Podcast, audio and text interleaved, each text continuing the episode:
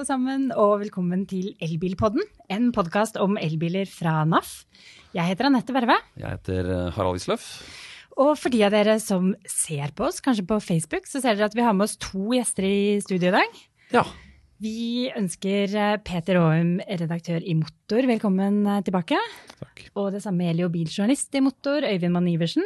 Takk for det. Så jeg kommer tilbake til hvorfor dere er med oss i studio om en veldig kort tid. Men aller først, Harald, så må vi jo ta og adressere at det er Vi har tatt en to måneder lang eh, juleferie. Ja, og vi, vi har blitt etterlyst, og det syns vi er veldig hyggelig at folk eh, etterlyser oss.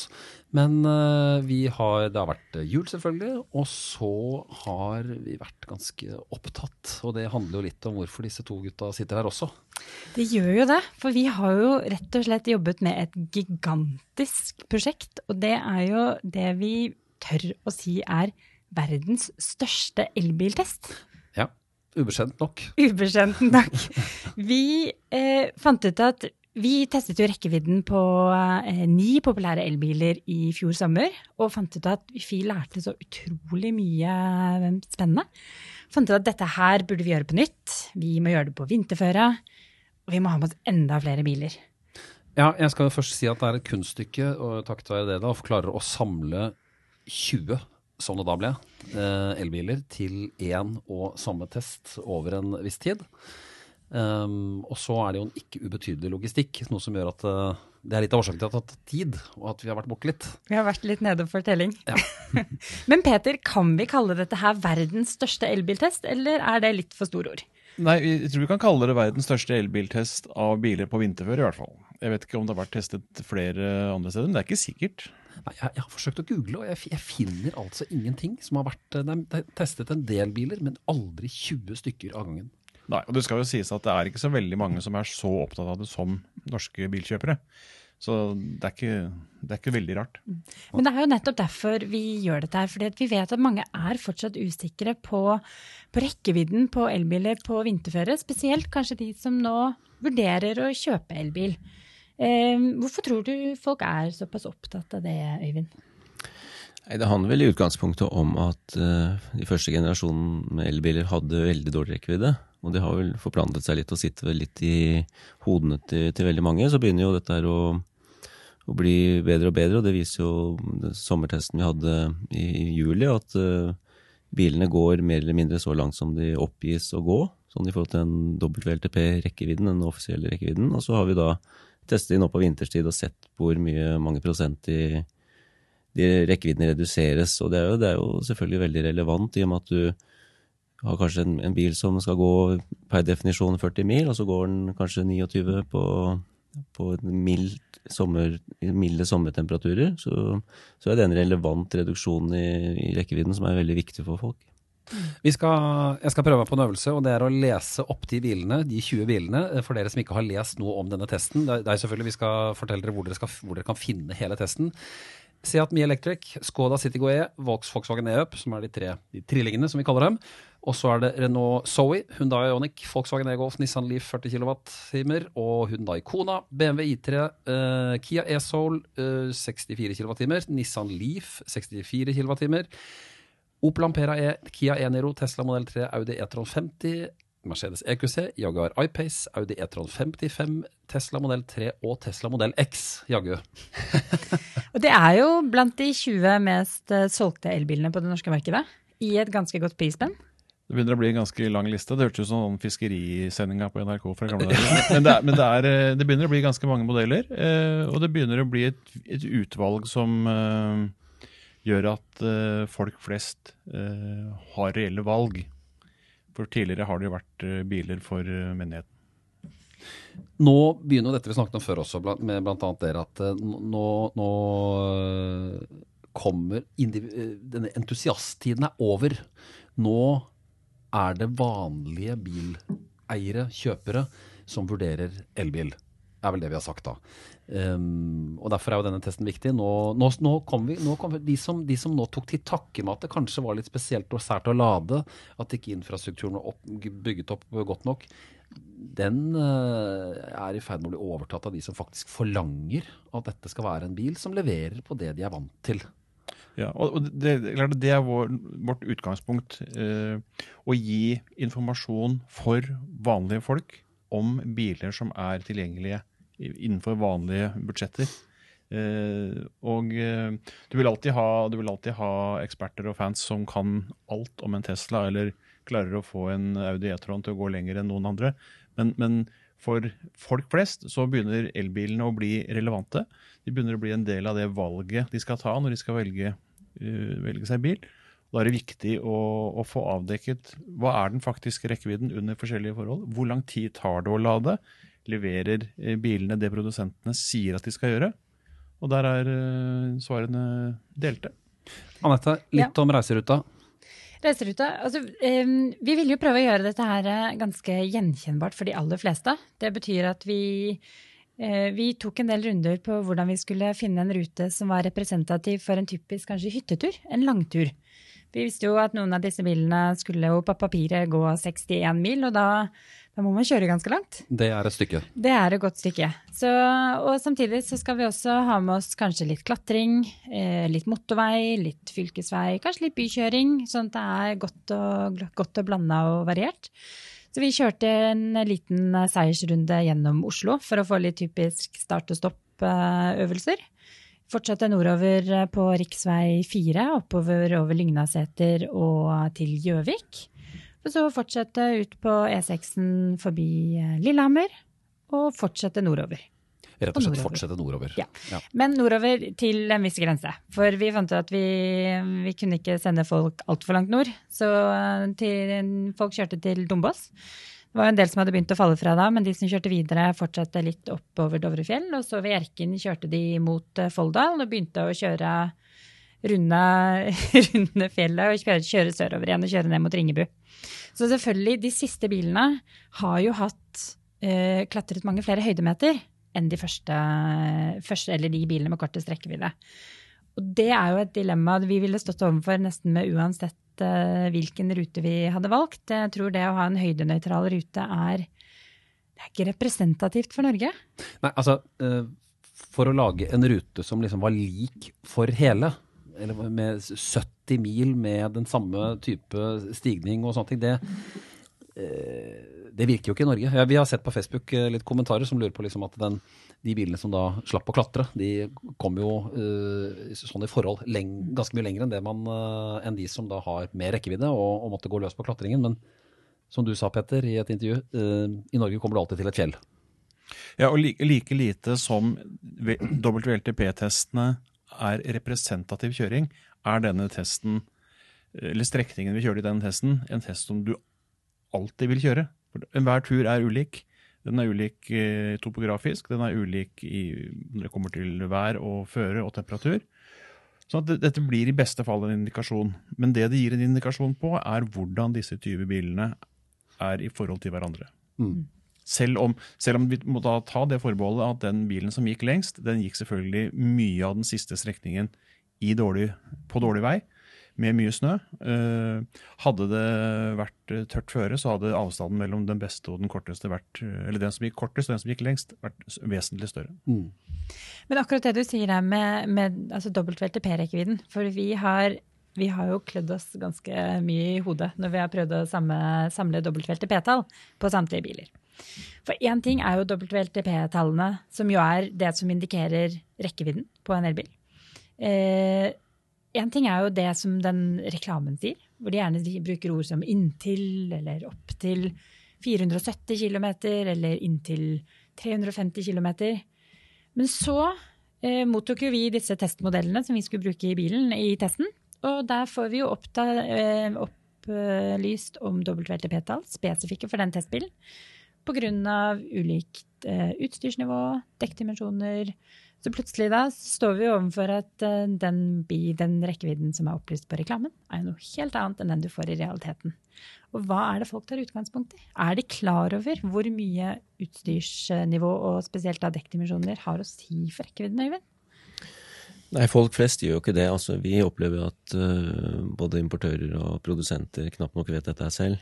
Så da å, forvente at forbrukerne skal kunne nok om dette, det er jo helt uh, utenkelig. Men, men det vi ser er jo at, eh, som du er inne på, at, eh, at det gjør store utslag. Hva, hvor mye utstyr du har på bilen, hvor mye tyngre den blir, og hva slags dekkdimensjoner du har, om du kjører på sommerdekk eller vinterdekk, og også bredde og høyde og, antall, hvor store tommer, eller hvor store disse dekkene er. Så, de variablene der er ganske, ganske kraftige, og man kan så når vi da, i det vi, det vi har gjort, at vi har presset disse bilene til maks og kjørt dem helt tomme, så er det jo tre-fire mil som en slik eh, endring utgjør, da, i reell rekkevidde. I, I korte trekk, har du feite dekk, så bruker du mer strøm. Mm, Ikke sant? ja. Og har du det kule ekstrastyret som naturligvis da er mer vekt, så vil jo det også bety høyere forbruk. Mm, Nær sagt uansett drivstoff, da, men eh, også strøm. mm. De tre eh, trillingene, som vi kalte det, altså Skoda, Volkswagen og Seat, eh, var jo den søte overraskelsen her. Ja, bekreft De leverte en bekreftelse på at vi nå er i ferd med å få en bra utvalg av elektriske småbiler som egner seg utmerket for den som skal kjøre under ti mil i hverdagen. Topp biler. Eh, brukbar pris. Kommer flere biler i samme segmentet nå på bilutstillingene utover våren og sommeren. Det kommer til å være et kjempegodt alternativ for mange å velge elektriske småbiler i mye mye større grad enn før. Og faktisk da over 20 mil rekkevidde eh, omtrent på alle disse tre på vinterføre. Ja, Men de, i sannhetens navn, disse gikk ikke i snø. Nei, da, det Det var, ikke. det var litt eh, sludd eh, deler av strekningen, men de er ikke testet på norsk Finnbullvinter. Men allikevel, man kan faktisk dra til hytta med en e-up, da. Hvis man er litt tålmodig. I hvert fall hvis du har hytta i nærheten. Og jeg, jeg har faktisk, det er en som kjører rundt med, eh, som har gjort en greie ut av at han kjører rundt med en e-up, med en gammel e-up, da, med takboks. Ja. Det er faktisk ganske stilig. Det var vel også en sånn felles eh, enighet blant de som kjørte disse trillingene, at, at disse bilene var overraskende komfortable å kjøre selv eh, langt over tid. Så jeg, og det tror jeg alle vi som har kjørt disse bilene har erfart, at de bilene er eh, oppsiktsvekkende gode å kjøre, kjøre langt med, så de kan absolutt uh, brukes også til langkjøring. Og så er, er en, ja. så er de forholdsvis billige. Ja, de koster jo godt, du får dem fra godt under 200 000, og en sånn godt, relativt godt ut, utstyrt variant av en av de tre får du til 200 000. Men det er en ting vi må merke oss med de bilene, og det er at vi, vi bestemte oss jo for et sett med premisser eh, før denne testen. Blant annet så var det ingen av bilene som var forvarmet, så alle begynte med kaldstart. Eh, klimaanlegget stilte alle inn likt. Eh, alle stilte inn på 21 grader, for det var strengt tatt ikke så veldig bitende i kulda, så vi følte 22-23 grader var litt kunstig. Og setevarme på bare minimum, altså nummer én. Eh, Og de som satt i trillingene, de er vel de som virkelig har gitt tilbakemelding om at de frøys. det, var, eh, det var dessverre noen meget kalde 20 mil. Jeg tror det viktigste vi skal ta med oss av testen når det kommer til rekkevidde, er liksom at ja, det er indikasjoner. Hadde vi kjørt samme testen i morgen med litt andre temperaturer, litt annet føre på deler av strekningen, så hadde vi fått andre resultater. Og når vi kjører den samme testen til sommeren, så får vi andre resultater. Og det er viktig at uh, Likevel har vi i denne testen fått en indikasjon på hvor stort avviket er. Det kan folk ta med seg når de vurderer hva slags bil uh, de skal ha. fordi det er ikke sånn at uh, det er ikke sånn at en lang rekkevidde nødvendigvis er lykken. Det som er en lykken, er å ha en rekkevidde som passer ditt normale forbruk. Da kan du velge deg en bil fra ditt budsjett og din lommebok, og så får du en bil som passer med omtrent kjørelengde eh, og lademuligheter eh, som, eh, som, som står i stil med ditt behov. For her, her, her er det litt å stikke fingeren i jorda av og til også. at uh, Hvor mange ganger i året kjører man 300 km, ikke sant? Uh, eller 400 eller 500 km. sånn i forhold til hva slags eh, behov du faktisk har i hverdagen, ikke sant? Ja, Du bør jo aldri gjøre det uten pause, uansett. Ikke sant? Ok. Uh, I fjor så ble vi overrasket over Hundai Kona. Da gikk jo den vesentlig mye lenger enn oppgitt rekkevidde. Det gjorde den faktisk. Uh, den leverte ikke dårlig nå heller, Den gjorde ikke det. og ble en god overraskelse også på vinterføre. For det vi jo ser er jo at i gjennomsnitt så er jo avviket mellom den oppgitte rekkevidden og den faktiske rekkevidden den ligger på rundt sånn 18% så nesten 20% Det er liksom gjennomsnittet. Eh, men så er det da noen overraskelser inni der, og det er jo Kona, Som eh, leverte Kun hadde 9, eh, 9% avvik fra sin egen dobbeltvelte WLTP-rekkevidde. Det syns vi er ganske bra. Det var best i, best i klassen. Best i klassen, ja. Eh, Øyvind, hva er det de har gjort med Kona, tror du, som får den til å bli en sånn rekkeviddevinner? Og det, og det er en bra bil òg, den er jo ålreit å kjøre og fin størrelse. En veldig bra bil, og vi lurer jo litt på, vi som jobber med dette, hva de har gjort, i og med at, eh, som du spør om, i og med at de, de har jo to konsernsøsken som har akkurat den samme teknologien i bunnen, som ikke kommer fullt like, like langt, altså Kia E-Niro og, Kia E-Soul, med samme batteripakken. Men uh, også i tillegg til at uh, Konaen kom langt, så, hadde jo den også en merkbar stigning på, på, slutten der, så det der reduksjonen på under 10% rekkevidde i forhold til VLTP-tall er jo helt fantastisk bra. Men eh, nei, svar på spørsmålet ditt, det har jeg ikke. Det, det kan jo være in, in noe individuelt, at bilene kan ha individuelle, individuelle, forskjeller som gjør sånne utslag. For uh, likheten mellom de tre nevnte bilene var jo større i sommer da vi testet dem. Men nå på vinterstid så har jo Konaen kommet merkbart eh, lenger enn de to, to øvrige. Ja, og bare så det er sagt, så var da Konaen klatra jo til fjells. Og den ja, det gjorde de to andre òg, da. Høyt til fjells. De to andre uh, klatra også opp uh, fra Dombås, men jeg som satt i E-Solen, jeg kom meg bare så vidt opp bakkene. Ja, for du var da i den bilen som uh, tilsynelatende er skal være ganske lik, mm. men kom kortere. Den gjorde det, og det ble litt sånn konkurranse må jeg si, mellom, mellom oss tre. For vi hadde tett kontakt med å avleste forbruk underveis for å se litt hvor er det avviket ligger. Og jevnt over, så, så, selv om vi kjørte Skal i prinsippet ha kjørt helt likt, eh, samme hastigheter, så hadde E-Solen litt høyere forbruk enn Eniron, som igjen hadde litt høyere forbruk enn eh, Konan. Men disse populære, ikke veldig små, ikke store, veldig store eh, bilene som nesten kan kalle, ja, om ikke flerbruks, i hvert fall det er plass til barnevogn og en god del utstyr her. Hva er vinterforbruket på der omtrent? Altså, hva ligger det på for den som har greie på sånne tall? Ja, hva endte vi på i vinterforbruk? Vi kom jo 18-19. 18-19. Ja. Eh, altså under 20, da. Mm. Eller 200 watt-timer per, eh, hvis man bruker eh, Tesla-begrepet. Mm. Eh, og det er ganske decent, det, er det ikke det? Jo, det er, det er veldig bra. og det, det, viser jo at det er, og spesielt disse koreanerne vi snakker om, det er jo veldig energieffektive. og mm og de går langt, og spesielt da en fjerde koreaner, Hyundai Ioniq, som har vært på markedet i mange år, er jo veldig energieffektiv. Ja, jeg fant frem her nå, det er jo, Konaen ligger jo på 15,5 kWt. Det er veldig, per, veldig lite. Det er det. Mm, det er litt.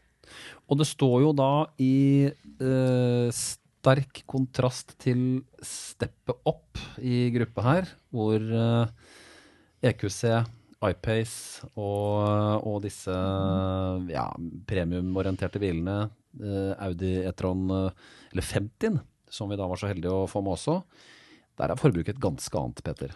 Ja, jeg syns jeg, jeg, var veldig heldig som fikk kjøre Mercedes Equus igjen, for det er jo en drøm av en bil. Eh, Attpåtil så var dette en AMG-line eh, som var på sin, nesten på sin jomfrutur i Norge. Eh, så det var en eh, bil, Selve bilopplevelsen kunne ikke vært bedre. Eh, det var litt synd den ikke varte lenger. Fordi eh, jeg kom, når jeg kom til Otta, så var jeg eh, tom for batteri. Og da hadde vi et snittforbruk på, på fem, rundt 25. Og det er klart at det er en annen uh, liga. Og når du da betaler 200 000-300 000 mer, så syns jeg det var litt skuffende. Flott bilopplevelse. Mercedes-følelse. En strålende ride. Praktfull. Ja, Men kort rekkevidde. Med en kort rekkevidde. Men tilbake igjen. altså Jeg mener at skal du velge deg bil, så så eh, er det å ha en, god, en herlig bil som går eh, 30 mil om vinteren og 40 mil om sommeren, kan det være helt perfekt for deg. Eh, mm. Så det er ikke sånn at du må ha en bil som går 500 eller 600 km. Det, det, er, det, det, er, bare å vite det, at det er en faktor. Eh, skal du kjøre den typen bil, så går den omtrent så langt på vinterføre og omtrent så langt på sommerføre. Eh, jeg er litt mer bekymra over ladingen, faktisk. Ja, for det er akkurat det som jeg tror er viktig å, å si når det gjelder både EQC-en og E-tronene, eh, og Teslaene for den saks skyld, er jo at de lader jo med en utrolig god fart. Ja. Så selv om de går eh, litt kortere enn man kanskje hadde håpet, og har et høyere forbruk, så er det, er det nesten som at de veier opp for det med at de lader som de gjør. For det var jo del to av testen. Det var jo å måle hvordan bilene faktisk lader. Og spesielt av hvordan de lader sammenlignet med hva produsentene oppgir. Og der er jo Mercedes, nei, Audi E-tron 55 er jo i en egen liga. Den lader jo med 150 kW og lader jo utrolig effektivt og holder jo den effekten jevnt over gjennom hele. For det er jo litt av poenget, så folk må få med seg at eh, den oppgitte maksfarten på ladingen, eh, det kan jo være et, et jåletall eh, hvis det bare slår inn et kort øyeblikk. Men E-tron 55 er jo, eh, holder en høy effekt over lang tid. Eh, dårligere, E-tron 50 er da litt dårligere, eh, har ikke så mye fart, eh, men også kortere rekkevidde, mindre batteri. Men eh, og det er det vi må liksom, når vi, når vi ser på de tallene, Peter, så må vi liksom ta, få avslørt, og det gjør vi jo i, i ladetesten, hvor lenge man holder en høy effekt. Jeg synes, altså, for- la oss bare parkere det med rekkevidde, for det er, eh, der, er, der er eh, leveransen omtrent som lovet. Mm. Men jeg synes, jeg synes, når det kommer til lading, så syns jeg vi får dårlige opplysninger eh, generelt om hva vi kan vente oss. Og så syns jeg bilene har veldig dårlige ladekurver. eh, rett og slett. Jeg syns det tar uforholdsmessig lang tid. Vi hadde biler som brukte en time på å lade, på hurt, såkalt hurtiglading. Halvannen time til og med. Halvannen time til og med. Og da, da, er- da, er da, da, kan, da kan du ikke kalle det hurtiglading. Du kan i beste fall kalle det lading. Ja, er, er det ljug, eller er det at eh, importørene og produsentene knapt vet hvordan dette funker i praksis? Nei, Tilbake til det faktum at det er en tidlig teknologi. Og jeg tror, at, eh, jeg tror at eh, hele dette spørsmålet kommer til å være annerledes eh, om fem år. Mm. Men vi er i en tidlig fase av denne introduksjonen, så, sånn at vi, vi, man gjør seg jo noen erfaringer. Det blir fryktelig spennende å se. Nå, kom, nå begynner Tesla utrullingen av Supercharger V3, som gjør ladeprosessen på, to, på disse bilene, som det skal sies, leverte ganske dårlig i ladetesten, disse Tesla-modellene. Eh, Nå kommer de med eh, rask lading, hvor de skal ta et kvarters tid. Og få den tanken du, ladetanken du trenger, opp til 80% da, da, da snakker vi en helt ny verden. Vi skal komme tilbake til de to, eh, til Tesla Model X og Model S, for de må vi snakke litt mer om. Men, men aller først så er det dette her med, med hvordan man omtaler lading, for det syns jeg er interessant. For da har vi jo gått gjennom 20 modeller, og vi har gått inn på forhandlernes eh, sider og sett hva er det forbrukerne selv møter når de skal orientere seg i dette markedet. Hvis du faktisk er opptatt av ladetid, da, og vi vil jo at folk skal være opptatt av det, for det er et viktig element når du velger riktig elbil for deg og din bruk så er de jo ikke enige om hvordan de skal omtale ladehastighet. Eh, før så var det flere som omtalte kilowatten du ladet med, altså effekten du ladet med. Det har flere og flere gått bort fra. Det de nå oppgir, er en tid du bruker eh, for å lade til 80% Men så er de heller ikke enige om de skal omtale 0 til 80% eller 10 til 80 eller 20 til 80% Så der vi, bare der har vi opplevd tre ulike måter å beregne tiden på. Og så har du plutselig Jaguar og Opel, som midt oppi alt ikke i det hele tatt omtaler tid eller kilowatt. De sier at, du, at du får x antall mil på enten 30 minutter eller en time. Så det er jo ikke lett å skulle sammenligne dette her heller. Nei, det er jo en, eh, som Peter også sa, eh, dette er en tidlig teknologi, og det er, er vel en urskog å orientere seg i hvis man er liksom opptatt av dette her, da. Ja, og så, så er det jo verdt, Hvis du skal leke Sherlock Holmes, så er det jo litt sånn at jo mer diffuse disse bilselskapene er på hvilken effekt du får, jo dårligere lader de. Så det er, en, eh, det er en viss sammenheng. Det er det. Og der er det jo også dette her med eh, Der også vet vi at lading påvirkes absolutt av eh, kuldegrader. Det er det samme som rekkevidden. Eh, det er nesten umulig å få til et driftsvarmt batteri på vinteren. Fordi at batteriet trives best i 24 grader. Er vel det 20-24 grader. Det er vi ganske langt unna selv når vi er på 0, 0 og 5 grader.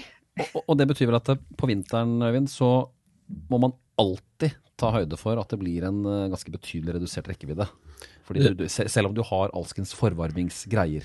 Det må man gjøre, og, og det som denne ladetesten vår først og fremst viser, er jo at den er veldig reell. Du kan stille spørsmål ved rekkeviddetesten, hvor, hvor reell den er, ved at ikke alle bilene kjører samme syklus osv., og, så videre, og det er stigning på slutten osv. Men ladetesten vår er jo veldig, veldig realistisk og reell. da, og og når jeg da kommer, kommer inn på ladestasjonen med min eh, Audi E-tron 55 og bruker litt over 27 minutter på å lade fra 8 til 80 så, så begynner du da å snakke om det som man kaller forflytningshastigheten. Da, ikke sant? Kombinasjonen av rekkevidde og ladehastighet som på en måte utgir en sum hvor lang tid du bruker på å bevege deg fra et sted til et annet. Og det er det som til, til slutt blir, blir, det viktige elementet her. Hvor, du, hvis du skal kjøre langt den, de to dagene i, i måneden, da, hvor lang tid bruker du, hvor lang tid må du beregne på å komme deg dit du skal? Ja, For tid fra A til B er valutaen her. Det er valutaen her. Men jeg, vi skal bruke enhver anledning vi har til å minne folk på at du må gjøre denne vurderingen og gjøre disse regnestykkene ut fra det behovet du har. Mm. Hvis du hurtiglader én eller to ganger i året, så har det ingen praktisk betydning for deg hvor lang tid det tar. Eh, Da kan du til og med leve med at det er dyrt. Men hvis du lader alt sammen, hvis du gjør all lading hjemme eller på jobben, så, så er jo en elbil eh, uovertruffen, eh, når det kommer på, på regnestykket. Mm. Sånn at da, da er hele denne ladedelen mindre interessant. Men det er som du sier, når du først da bruker du hurtiglader ofte. La oss si du drar på hytta annenhver helg og er innom en hurtiglader. Ja, eller bruker bil i næring. Ja, eller bruker bil i næring, så er det faktisk viktig å være litt bevisst på hvordan bilen din lader, og at du skal hurtiglade når du har et varmt batteri. For hvis ikke du gjør det, så betaler du dyre dommer på ladestasjonene, spesielt nå når du betaler ofte per minutt du står, eller en kombinasjonspris av både kilowattimer og minutter. For kommer du da til ladestasjonen med kaldt batteri, så blir du stående ganske lenge eh, for, for få mil. Det gjør man rett og slett. Um, men apropos mil, vi slipper ikke unna disse amerikanerne i Norge. Nei, vi gjør ikke det. Og eh, vi, eh, vi måtte jo finne ut av hvordan vi skulle best lade Teslaene. Eh, skal de lages, lades på supercharger, eller skal vi De hadde jo begge adaptere. Skal de faktisk lades på Ionity-laderne, hvor vi ladet samtlige av de andre bilene? Ja, bare så, sånn teknisk for de som eh, ikke har fått med seg det, så er de nyere modell S og X og leveres med et adapter til CCS og kan lade på virksomhet CCS-lader i tillegg til Teslas superchargere. Um, og eldre modell S og X kan bygges om, så, så fikser dette her. Modell 3 har bare CCS. Men for modell S og X så valgte vi da superchargere. Hvorfor det, Anette? Jo, for altså, vi ville jo aller helst at det var laderen Eh, altså, det var ikke bilen, det var ikke laderen som skulle være begrensningen, det var bilen. Eh, så vi ville at det skulle være best mulige forutsetninger for å få høyest mulig effekt. Så eh, det vi ble fortalt, var at eh, hvis vi ladet X-en og S-en på Ionity ladestasjonen, så ville de oppleve mest sannsynligvis en redusert effekt. Fordi at de taper litt effekt ved bruk av eh, adapteren. Da måtte det er greit, da lades de på superchargeren. Der skal de kunne få 150 kW, så vi kjører de dit. Men det vi jo faktisk opplevde der, var jo at eh, det var så stor pågang på Nebbenes at uh, testførerne registrerte jo faktisk uh, en betydelig effektnedgang da det kom større puljer med andre biler som skulle lades. Ja. Så der ble jo faktisk selve hele stasjonsområdet ble jo begrensningen i de tilfellene. Ja, rett og slett uh, det at selv om Tesla-eiere er vant til at en A- og en B-stolpe deler Yes. trafo, så, selv om man var alene på en A-stolpe, så var det så mange andre på selve siten at den totale kapasiteten på supercharger-stedet ble redusert, ikke sant? Det er akkurat det som skjedde, og det er jo litt interessant. Der kan man jo kanskje begynne å se litt medaljens eh, bakside for Tesla sin del, at de har et overlegget, uh, overlegget nettverk. Men kanskje de sliter litt med strømtilførselen til selve stasjonen. Men de kan vel si at de har svart på det selv nå ved å Ja. lansere V3, som, uh, hvor dette da ikke Skal skal, uh, skal være noe problem lenger. De lover at det ikke skal være noe problem. Ja, Eh, vi vi skal teste det. Ja, vi skal teste det til sommeren igjen. Mens Model 3-en ble jo da ladet på Ionity-stasjonen, eh, og er jo og lader jo kjempeeffektivt. Den var jo oppe i 183 eller 84 kilowatt. Den skal klare 200. Og det er veldig raskt. Den hadde testens høyeste effekt Ja. Ja. På et punkt. Men det var dessverre ikke Eller det var i sannhetens navn ikke så lenge. Og, eh, men eh, kombinasjonen av ladetid og forbruk gjør at den kommer veldig godt ut, eh, også sammenlignet med E-tronene. Det er det de gjør. Og det, alle disse her ladekurvene de har jo vi publisert både i Motor og på naft.no, sånn at man kan gå inn og gjøre seg ordentlig kjent med sin bil. Og det er jo hele tanken med at vi gjør denne her øvelsen. Det er jo at du skal kunne lære litt det derre kanskje nivået etter nybegynnerfasen. Nybegynnerfasen er å bli litt kjent med hvordan du egentlig kjører en elbil. Men så tror vi at det er veldig nyttig å lære seg litt både hvordan bilen oppfører seg i strømsparemodus. Veldig greit å vite hvis du plutselig opplever det på en motorvei. At ikke du er redd for at den skal stoppe umiddelbart, men at du kan lese deg opp på hvordan bilen oppfører seg når den begynner å tømmes for strøm. Og også at du lærer deg de små tripsene som er gode for en god drivstofføkonomi. Og lade smart og riktig. Mm. Og så skal vi da selvfølgelig eh, avsløre at det er jo ikke uventet modell S som går lengst, og modell X som går nest lengst. Og de fikk ordentlig kjørt seg bort mot Venabygdsfjellet eh, i snødekket vei og, og alt som var. Er det eh, Du er ikke så opptatt av rekkevidde, Peter, men likevel. Dette er, det er jo overlegen rekkevidde foreløpig. Ja, det er overlegen rekkevidde, og det er høyest pris. Så det er, altså, det er en sammenheng. Eh, det er en sammenheng der som er ganske opplagt. Det er ingen, bil, test, det er ingen biler i testen som er dyrere enn Model X. S-en er også er den nest dyreste. Eh, Mm. Det skulle bare mangle at det ikke gikk lengst. Og så var det da selvfølgelig sånn at vi hadde med oss bilbergere, så alt foregikk sikkert og trygt. Og bergerne fikk sitt å gjøre, i hvert fall, med å frakte biler til, eh, til hurtigladestasjonene etter hvert som de gikk tomme. Og vi fikk jo egentlig på en sånn merkelig måte testet om nordmenn stopper og bryr seg når folk eh, står stranda på siden av veien. For det jeg må si at jeg syns det var ganske rørende. Eh, For jeg tror samtlige biler som kjørte forbi, stoppet og lurte på om jeg hadde det bra. Ja, du om jeg sto, trengte sto alene på en forblåst vei på Dombås eller på, mot uh, Hjerkinn. Ja, men jeg syns jo det er positivt. Det er godt å vite at folk kjører ikke forbi, folk tar ansvar. Og det skal sies, han som kom lengst, han stoppet jo mm, på, på rv. 27 mellom Folldal og Nemo, retning Venabygdsfjellet. Og det var avkjøringen til Sollia der, og der, der sto han i mørket. Det var til og med slutt på batteriet, så det var ikke noe blinklys på Det var ikke noe nødblink til slutt. Der passerte det seks stykker før bilbergeren kom i løpet av en time. Alle stoppet og spurte ham om han ville hjelp. Ja, det er fantastisk. Jeg synes det er koselig. Dette må være veldig norsk. Det var fascinerende å høre på Intercomen hvor han fortalte at her kommer det en mørk eh, skygge gående mot meg. og liksom Litt sånn spent på hva dette var. Og så skulle man spørre om han trengte hjelp. Da. Det var ikke verre enn det. Det blir spennende å se om vi klarer å dimensjonere testen opp ytterligere. Eh, vi skal ikke slutte å teste dette her, Peter og Anette.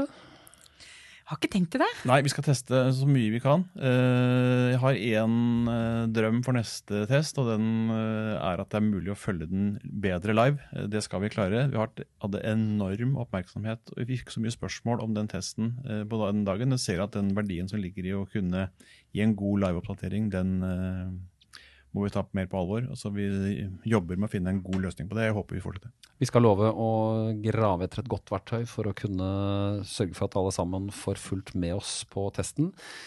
Og så ligger altså alle resultater for alle biler, både rekkevidde og ladetest, og litt subjektivt fra testførerne på både motor.no og naf.no. Og det kommer en film. eh, Så her kan man dypdykke i alle gode detaljer som vi har regna langt og lenge på. Helt riktig. Det er bare å glede seg. Det er rett og slett det. Og så takker vi Øyvind og Peter igjen for å komme i studio. Og så er vi tilbake om eh, en 14 dagers tid, eh, håper vi, Vi er det. med en ny gjest. Og selvfølgelig, du følger oss på Facebook. eh, NAF, eh, NAF Elbil på Facebook. Og trenger du å lese mer om elbil, så er det naf.no elbil. Og du kan sende oss en e-post på elbil.krøllalfa.naf.no. Og finner du på Instagram også. Så ses vi om ikke så lenge. Det gjør vi. Ha det godt. Ha det bra.